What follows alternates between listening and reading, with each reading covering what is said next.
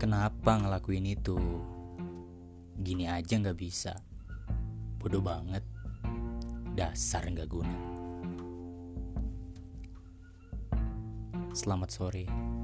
Selamat datang di Sudut Pandang Podcast. Bersama saya, Ahmad Fahmi Hasbi. Gimana nih kabarnya teman-teman? Mudah-mudahan selalu baik ya dan selalu sehat di mana pun kalian berada.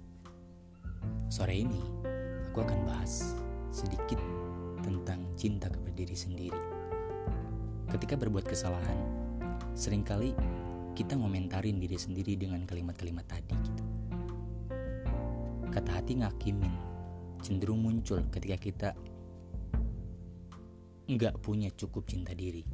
Cinta diri itu bukan narsisisme.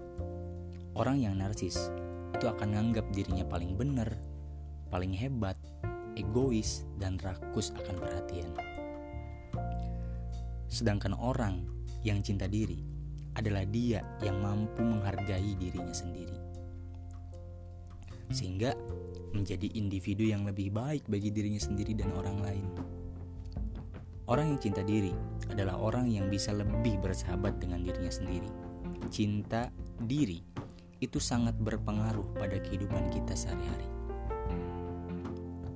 Seorang yang tidak cinta diri ketika ngelakuin kesalahan kecil, ia akan mencambuk dirinya sendiri dengan komentar negatif. Sehingga bisa menggerus gitu terhadap harga dirinya sendiri. Kemampuan kita nerima cinta diri dari orang lain itu sebanding lurus dengan kemampuan kita mencintai diri sendiri. Seseorang yang tidak cinta diri cenderung akan ngerasa insecure, akan ngerasa nggak aman tatkala kita ngerasa nggak aman, maka pilihannya ada dua. Yang pertama, fight atau bertengkar dengan orang sekitar. Dan yang kedua, flight, artinya lari dari kesedihan yang tidak berujung ini. Memang kritik kepada diri sendiri itu penting sebagai perkembangan kita sebagai manusia. Namun, kerap terlalu keras terjadinya sama diri kita. Bahkan destruktif Kritik destruktif ini ketika dialami berkepanjangan, ketika kritik destruktif ini kita lakuin kepada diri sendiri, bahkan bisa mendorong kita menjadi putus asa. Bisa ngedorong juga kita depresi, bahkan ke sananya nanti kita banyak ngelamun gitu. Maka dari itu, mulai tumbuhkan cinta diri. Jadilah sahabat yang terbaik bagi diri sendiri.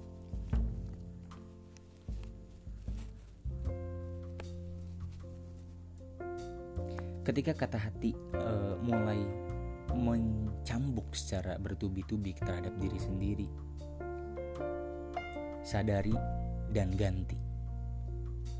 Dengan suara paling menenangkan dalam hidup kita apakah itu suara seorang sahabat orang tua orang-orang yang kita nyaman kalau ada di dekatnya dan bisa cerita setiap hari serta orang orang yang kita percaya seperti psikiater ataupun orang yang kita percaya, siapa pun itu.